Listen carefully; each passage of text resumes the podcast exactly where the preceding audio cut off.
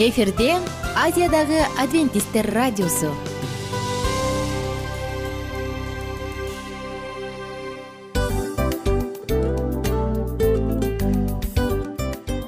Достор салют. Баардык сүйүктүү угармандарыбызга салам айтабыз. Кутман күнүңүздөр менен.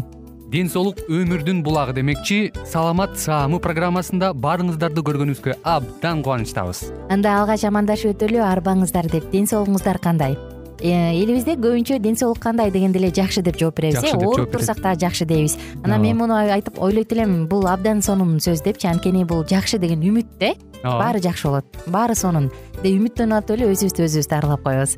Анысы кандай? Сиздин дагы ден соолугуңуз жакшы беш деген үмүттөбүз чындыгында ден соолук бул өмүрдүн булагы деп бекеринен айтылган эмес деп ойлойм. Кыргыз элинде анткени эгерде ден соолук жок болсо анда адамдын жашоосунда калган баардык керектүү маңыздуу нерселер өзүнүн баалуулугун жоготуп коет. Ошондуктан ден соолук бул эң керектүү нерсе. Ооба туура айтасың кесиптешим. Чынында ден соолугуң жок бир эки үч күн ооруп калсаң эле кандай болуп калат? Жашоодо көз каранды болуп каласың көп нерсеге жетишпей каласың көп нерсени кыла албай каласың жада калса эшикке дүкөнгө да чыга албай каласың. Туптуура анан ден соолук болсо демек биз биздин бактыбыз тотой деп койсок болот. Анда достор саламат саамы рубрикабызды баштайлы. Алдыда өзүңүзгө керектүү болгон сонун кеңештерди уга аласыздар. Мына ошондуктан биз менен бирге болуңуздар. Ал эми биз болсо милан жана айнура.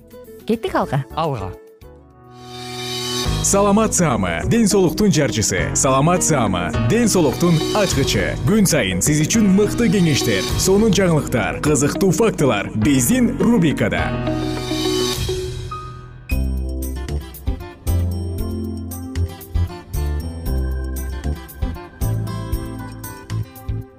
Ардактуу достор сүйүктүү угармандар жалпыңыздар менен кайрадан амандашып жагымдуу саатыбызды баштадык. Достор саламатсызамы рубрикасы жана бүгүнкү уктуруубузда биз диабет жөнүндө сөз кылабыз. Тагыраак айтканда тропикалык инсулин деп аталган смузинин рецеби менен алдыда бөлүшөбүз. Тилекке каршы азыркы күндө диабетиктер жок эмес. Диабет бул эмне деген оору дегенде ар бирибиз эле билет болушубуз керек. Бул коркунучтуу экенин бирок эмнеси менен мүмкүн толук билбешибиз мүмкүн э? Анда келиңиздер а, пайдалуу суусундуктар деп аталган сонун циклда караңыздарчы. Биз ар бир оору ар бир орган үчүн пайдалуу ар бир ооруда daба болуп бере алган мыкты смузилердин рецеби менен бөлүшүп турабыз. Анан китептин азыр жарымына гана жетели деп калдык. Ошондуктан кийинки уктурууларда деги эле ар бир уктурууда калем саап кагаз алып алып туруп жазып алып жакындарыңыз менен бөлүшүп же а, телефонунун диктофонуна жазып алып туруп жакыныңызга бөлүшүп жардам берип кетсеңиз болот. Анда бүгүн кант диабети жөнүндө сөз кылалы. Негизи кант диабети эмне? Мында канда канттын деңгээли жогорулап кетүүсү мүнөздөлгөн өнөкөт оору э диабеттин эки түрү бар? Биринчи жана экинчи типтеги. Биринчи типтеги кант диабети кырк жашка чейин же бала жаш куракта бала куракта башталат дагы өтө оор өтөт. Мунун негизги себеби уйку без инсулинди дээрлик иштеп чыгарбай калганында караңызчы уйку безден кетет. Экинчи типтеги кант диабети кырк жаштан өткөндөн кийин башталып токсон пайыз оорулууларда кездешет. Адатта бул оору ашыкча дене салмагынан жана семирүүдөн улам пайда болот мунун негизги себеби инсулиндин жетишсиздиги же өз инсулинге клеткалардын бузук таасир этүүсү болуп саналат. Аялдар кош бойлуу болгон учурда гестациялык кант диабети пайда болушу мүмкүн. Диабеттин башка түрлөрүн өтө эле сейрек кездештиребиз. Эң кеңири таркалган бул биринчи жана экинчи тип. Дагы бир жолу кайталайын.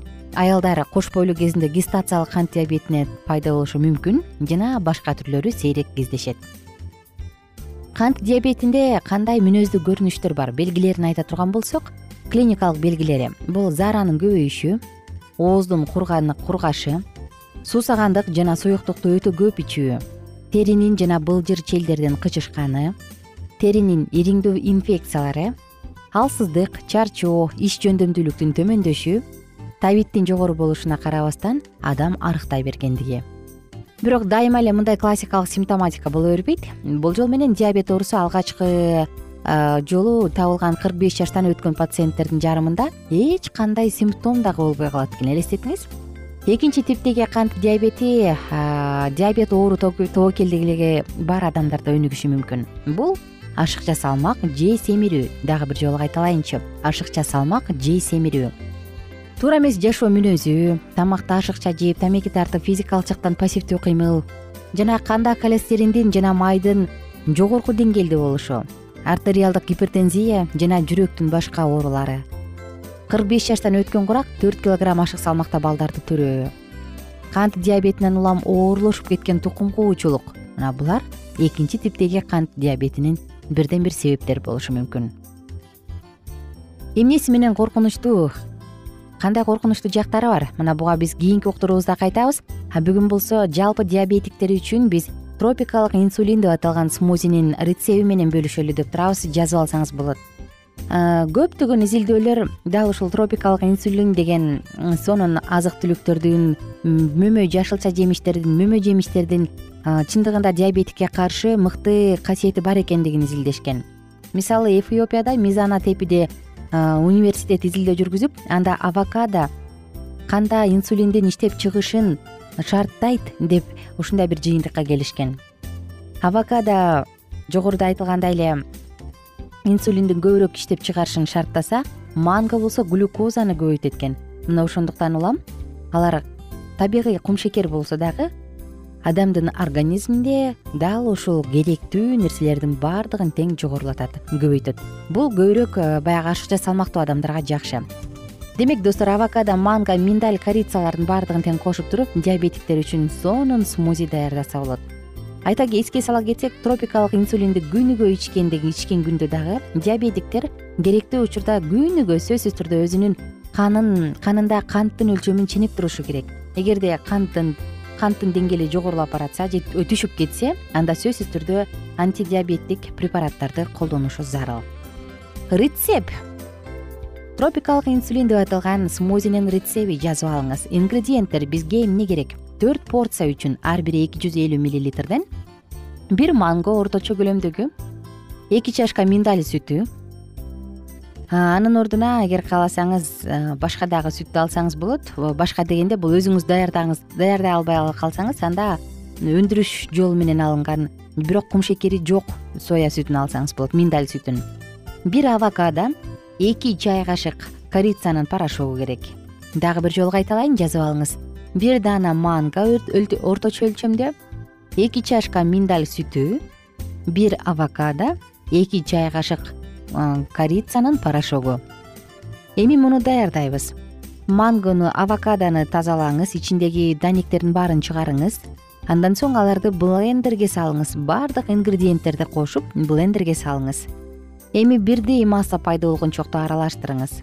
Ага калориясы төмөн болгон стевия сыяктуу даам татуучу таттуу кылуучу азык бир нерсе менен таттуу кылып койсоңуз болот. Болду. Жөнөкөй жана жеткиликтүү бир манго эки чашка миндаль сүтү бир авокадо эки чай кашык порошок корицанын порошогу. Тропикалык инсулин деп аталган смузинин касиети бул антидиабетикалык болуп саналат. Кандагы холестериндин деңгээлин төмөндөтөт азыктандырат артерияларды коргойт антиоксидант жана тазалоочу касиети бар. Анын курамында биздин бир күндүк дозабыз бир күндүк дозабыз. Дозабыздын с витамининин кырк пайызын түзөт е витамининин отуз беш б эки витамини жыйырма төрт фалат жыйырма кальций он тогуз витамини б алты цинк калий ниацин магний темир жана башка мыкты сонун азыктардын баардыгын тең азыктандыруучу минералдык сууларды азыктардын баардыгын каптайт камтып келет оорубаңыздар достор. Диабет тууралуу биз алдыда дагы сонун сөз кылабыз. Мындай учурда эмне кылыш керек? Эмнеси менен коркунучтуу жана кандай дагы смузи даярдап ичсе болот? Кызык болсо биз менен бирге болуңуздар. А мен сиздер менен убактылуу коштошом. Кийинки уктуруудан амандашканча күнүңүздөр көңүлдүү улансын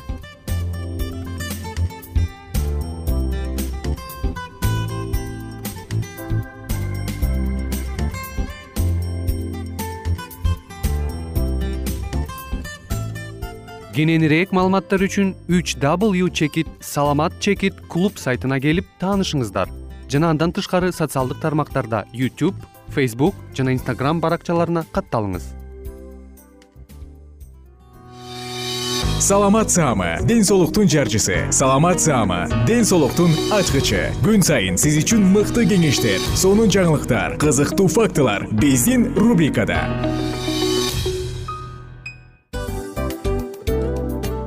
салам достор.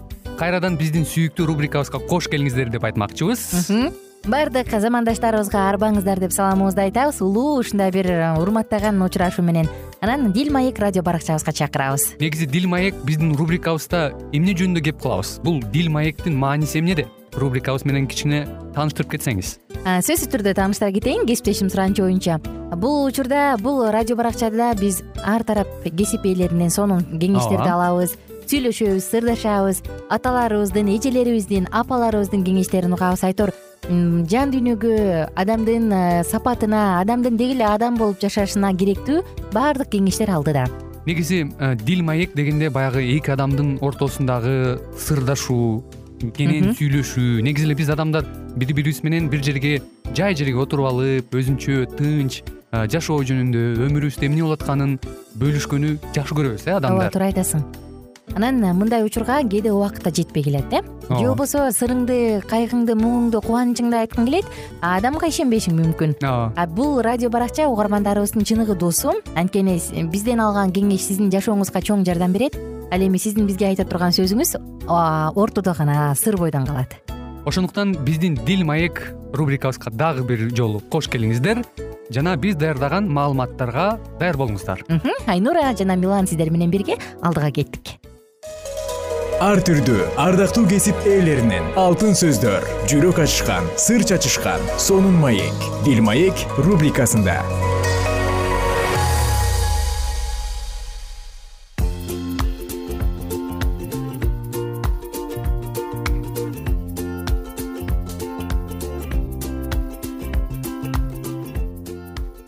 күн достор. Кадырлуу замандаштар жалпыңыздар менен амандашып биз жагымдуу саатыбызды дил маек уктуруубузду баштадык. Жана бүгүн сиздер менен бирге мариям аялдардын ичинен эң бактылуу деген темабызды улантабыз. Мурунку уктурууда биз мариям менен жусуп иерусалимге майрамга келип ыйсаны он жашы убагында жоготуп алганын жана аны кайрадан ибадатканадан тапканын айтканбыз. Бир аз мурунураак баштайлы түшүнүктүү болуш үчүн алар өспүрүм ыйсанын окумуштуу раввиндердин арасында отурганын көрүп таң калышты. Ал аларды угуп эле тим болбостон суроо да берип жатыптыр. Ал айланадагыларды өзүнүн акылы түшүнүгү жана туура жооптору менен таң калтырып жаткан. Мариям ага балам бул эмне кылганың? Атаң экөөбүз сарсанаа болуп сени издеп жүрөбүз дейт тынчы кете анын жообу жактырбагандыктан эмес. Күтүүсүздөн берилген жооп эле мени эмнеге издейсиңер? Атамдын үйүндө болушум керек экендигин билген эмес белеңер. Атамдын деген эмнеси жусуп менен мариям аны жердин баарын кыдырып издеп жүрүшсү. Жусуп менен мариям ыйсанын асмандагы атасы жөнүндө айтып жатканын түшүнүштү бекен ыйсанын эр жетип белгилүү болгон учуру келет. Ал кудайдын уулу тозокко бараткан дүйнөнүн куткаруучусу болот. Ошондуктан үй бүлөгө байланышкан нерселер акырындап андан да жогорку уулдун атага болгон сүйүүсүнө орун бошотуп бериши керек. Мариям шымыондун сөздөрүн эстеп жүрөгү канжар тилингендей ооруду бекен алар назаретке кайтып келишкенде эч кандай деле өзгөрүү байкалган жок. Ыйса болсо мурункусундай эле алардын айтканын кылып жүрө берди. Бирок мариямдын жүрөгүндө кандайдыр бир жаңы каалоо пайда болду ал бул окуяны эсине сактап калды. Ал өзүнүн энелик сезимдерин кудайдын эркине багындырды. Кийинки жылдар бактылуу өттү. Ал учурда ыйса жаш курактан өтүп эр жетип калган эле. Ыйса жетилип акыл эске толду. Ал кудайдын да адамдардын да сүймөнчүлүгү болду. Кудайдын уулу ыйса наристе кезинде эле жеткилең болгонуна карабастан өсүп жетилүүнүн баардык этаптарынан өткөн. Ыйсанын кызмат майданына чыга элек учурун камтыган. Бул ыйык сырда анын инсандыгы жашырылган. Ыйса жаарды үй бүлөдө чоңойгон бирок анын рухий өсүшү суктанарлык эле. Ата энеси кудай менен тыгыз байланышта жашаган бирин бири урматтаган адамдар. Өзгөчө мариямдын жүрөгү кудай жөнүндөгү ойлорго толуп турчу. Адамдын ою кандай экенин анын иш аракети айгинелейт. Ошол сыяктуу бул үй бүлөдө күнүмдүк жашоо жана балдарды тарбиялоо кудай жөнүндөгү ойлор менен ишке ашаарын көрүүгө болот. Назарет шаарындагы бул кичинекей үйдө бири бирине сүйүү менен мамиле кылышат. Бул үй бүлөгө жөнөкөйлүк жана такыбаалык мүнөздүү. Бул нерсе балдарды ата энелерге тил алчаак кылып тарбиялайт. Жусуп менен мариямдын үйү эң алгачкы жолу ыйсанын ыйык жазуу менен таанышкан жери болуп калды энесинин балдарына болгон сүйүүсү уулу үчүн үлгү болду. Ошентип ал ата энесинин үйүндө дагы он сегиз жыл болду. Ыйса инилери жакып жосе шымон жүйүт жана бир нече карындашы төрөлгөндө мариямга жардам берген. Жусуп каза болуп калса керек. Аны жыгач устанын уулу деп атабай калышкан. Ыйса өзү жыгач уста болуп калган ыйса отуз жашка чыкканда баары өзгөрдү. Муну мариям назаретке жакын жердеги кана деген кичинекей кыштакта өткөн үйлөнүү тойдо даана сезди.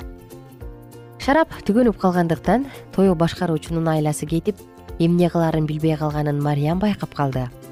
Ал дароо эле уулуна бул көйгөйдү чечип беришин сунуш кылууну ойлоду. Бирок ал капа боло турушту уулу өзгөрүп кеткен сыяктанат. Баягы өзү билген момун уул эмес сен экөөбүздүн ишибиз эмне аял? деп жооп берди уулу ага. Ал учурда аял деген сөз сыйлабагандыктан айтылган сөз жактырбагандык менен кылынган мамиле эмес эле. Жүйүт аял катары мариям мындай мамилеге көнүп калган. Бирок ыйсанын өз энеси менен бир пикирде эмес экендиги ачыктан ачык эле көрүндү. Ал мага мындай мамиле кылчу эмес эмне болду? деп ойлонду ал ошондо анын энеси эсине көп жылдар мурунку ибадатканада болуп өткөн окуялар түштү. Ал ушундай жолдор менен аялын анын уулу болсо да аны өзүнө гана энчилебеши керектигин түшүндүргөн. Ал жогору жактан берилген буйруктарга баш ийет. Мариям таарынчаак эмес эле ал капалана түшсө да сыр берген жок. Ал силерге эмнени айтса ошону кылгыла деди ал кулдарга ал анын кудай экенин жана керемет көрсөтө аларын билет. Ал экинчи орунда турууга да макул. Анын кийинчерээк ким кызмат кылса кудайдын падышачылыгында ошол оң болуп эсептелет деп окутаарын билди бекен ушул окуядан кийин уулу анын үйүнөн бир атоло кетти. Ошондон тарта ал мариямдын уулу болбой калды. Ал бүтүндөй өлкөдө сөз кылынган назареттик ыйса болуп калды ал баардык жерди кыдырып кудайдын ишин кылган кудай уулу. Мариям кайрадан аз нерсеге ыраазы болууга үйрөндү бирок бул оңойго турган жок. Жашоосун кылыч коштоп жүргөндүгүнө ал барган сайын ынана берди. Бирок бул кайгысы кудайдын ырайымы менен байланышта экенин ал билди. Андан талап кылынган нерсе кудайдын эркине гана баш ийиптирүү болчу. Ыйса жер кезип оорулууларды айыктырып жакшы кабарды жар салып жүргөн чакта мариямдын ага болгон ишеними өсө берди. Башка уулдары анын кылган кызматы жөнүндө уккулары келбегендиги адамдар аны назареттен кууп чыгышкандыгы ал үчүн албетте оор болду. Уулунун даңкы күн санап артып таасири өскөн сайын мариям экинчи планга жыла берди. Ал ыйсага энеси катары талап кое албастыгын түшүндү кызык э достор? Абдан кызык окуя караңыздарчы. Мындай билбейм мен бул нерсени бул абалды элестете албайм. Өзүңдүн эле балаң өңдөнөт ошол эле учурда сенин балаң эмес да. Окуяны андан ары биз кийинки уктуруубузда чогуу улантабыз ага чейин жалпыңыздар менен амандашканча сак саламатта туруңуздар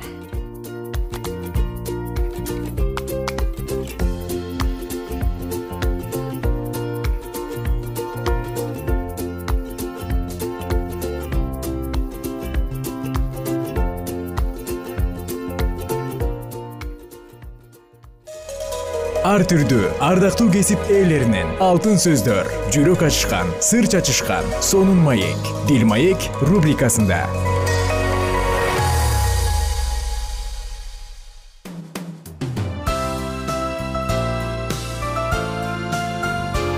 Эфирде азиядагы адвентисттер радиосу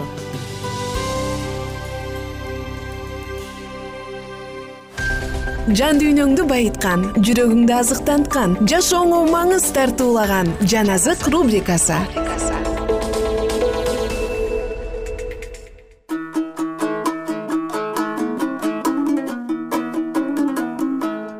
Саламатсыздарбы кадырлуу замандаштар салам достор. Жалпы биздин сүйүктүү угармандарыбыз менен бирге кайрадан саатыбызды улантабыз бул уктуруу жан азык рубрикасы жана сиздер менен жан дүйнөнү азыктандырабыз эске сала кетсек биз бул рубрикада эски осуяттагы орун алган окуя китебин окуп жатканбыз.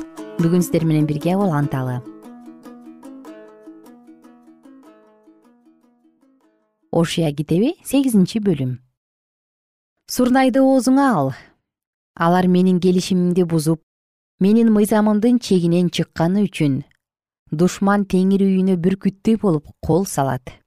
Алар мага кудайым биз ысрайыл сени таандып билдик деп кыйкырышат. Ысрайыл жакшы нерсени четке какты. Аны душман куугунтукка алат. Алар менсиз эле падышаларды коюп жатышты. Төрөлөрдү коюп жатышты бирок мага билдиришкен жок. Күмүштөрү менен алтындарынан өздөрүнө буркандарды жасашты. Алардын өлүмү ошондон болду. Самария сени өзүңдүн музооң таштады аларга менин каарым жалындады. Качанга чейин алар тазалана алышпайт? Анткени ал да ысрайылдын иши. Аны сүрөтчү жасады ошондуктан ал кудай эмес. Самариянын музоосу сыныкка айланат. Алар шамал менен себишкендиктен бороон оруп алышат. Алардын эгини дан байлабайт даны ун бербейт. Берсе да аны башкалар жутат ысрайыл жутулду. Азыр алар элдер арасында жараксыз идиштей болуп калышты. Алар жалгыз тентип жүргөн жапайы эшектей болуп ашурга жөнөштү. Эпрайым белектер менен жагынды. Алар башка элдер белек жиберишкенине карабастан мен аларды жакында чогултам. Ошондо алар төрөлөрдүн падышасынын эзүүсү астында жабыр тарта башташат.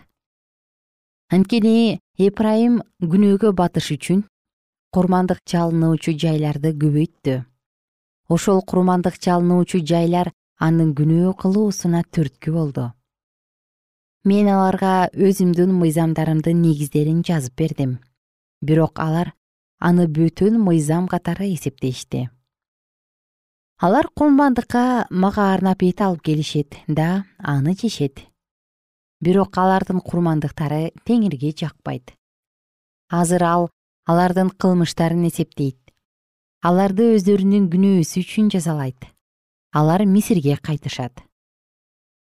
Анткени ысрайыл өз жаратканын унутту бутканаларды курду жүйүт болсо чептүү шаарларды көбөйттү. Бирок мен анын шаарларына от жиберем. Ал анын падыша сарайларын жалмайт ошуя китеби тогузунчу бөлүм. Ысрайыл башка элдерге окшоп кубанба шаттанба. Анткени сен өз кудайыңдан алыстап бузуктук кылып жатасың.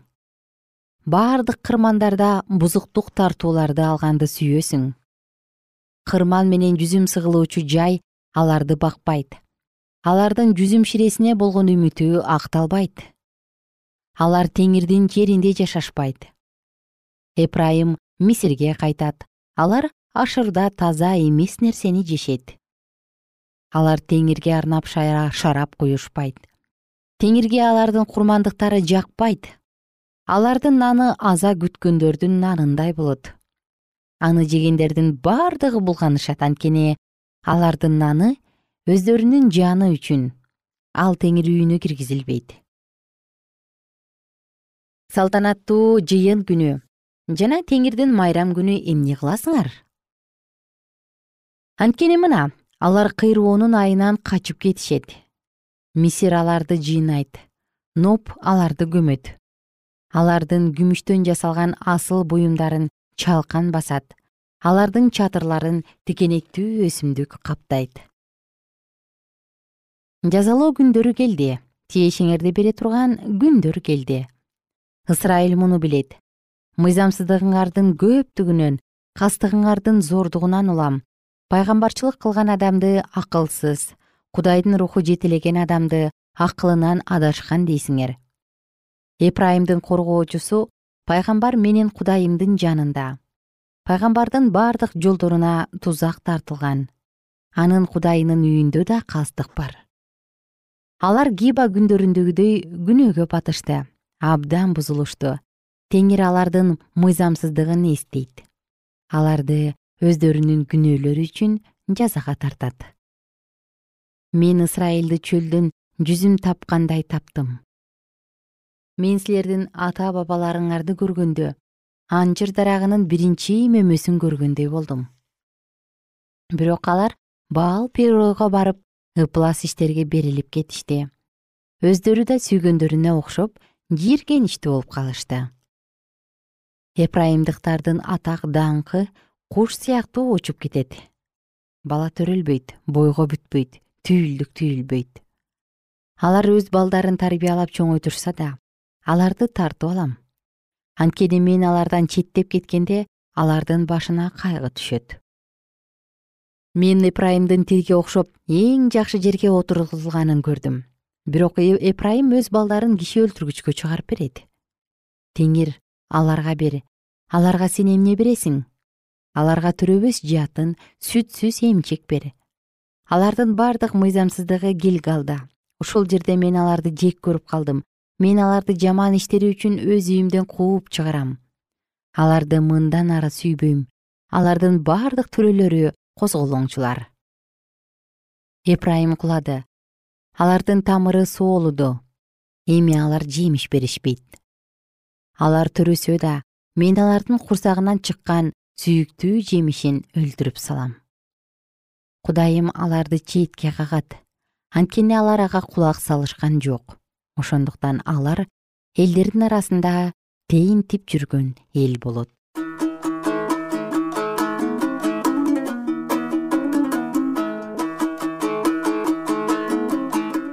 достор биз жараткандын каарынан сактаналы кудайыбыз өзү эле сактасын дейли дагы саатыбыздын соңку мүнөттөрүндө жыйынтыктайбыз. Кийинки уктурууда андан ары улантабыз. Бул пайгамбарчылык китеби эске салалы э бул израиль элине карата айтылган пайгамбарчылык китеби экен. Кайрадан сиздер менен амандашканча бар болуңуздар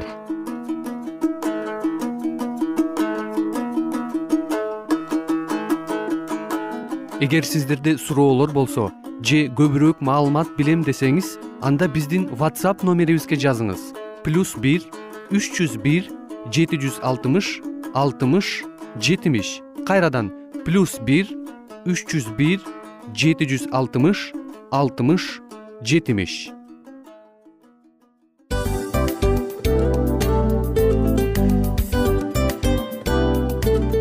мына ушинтип убакыт дагы тез өтүп кетет экен биз дагы радио уктуруубуздун аягына келип жеттик келип кубандырдыңар эми кетип кубандыргыла деп тамашалап калышат эмеспи анысы кандай?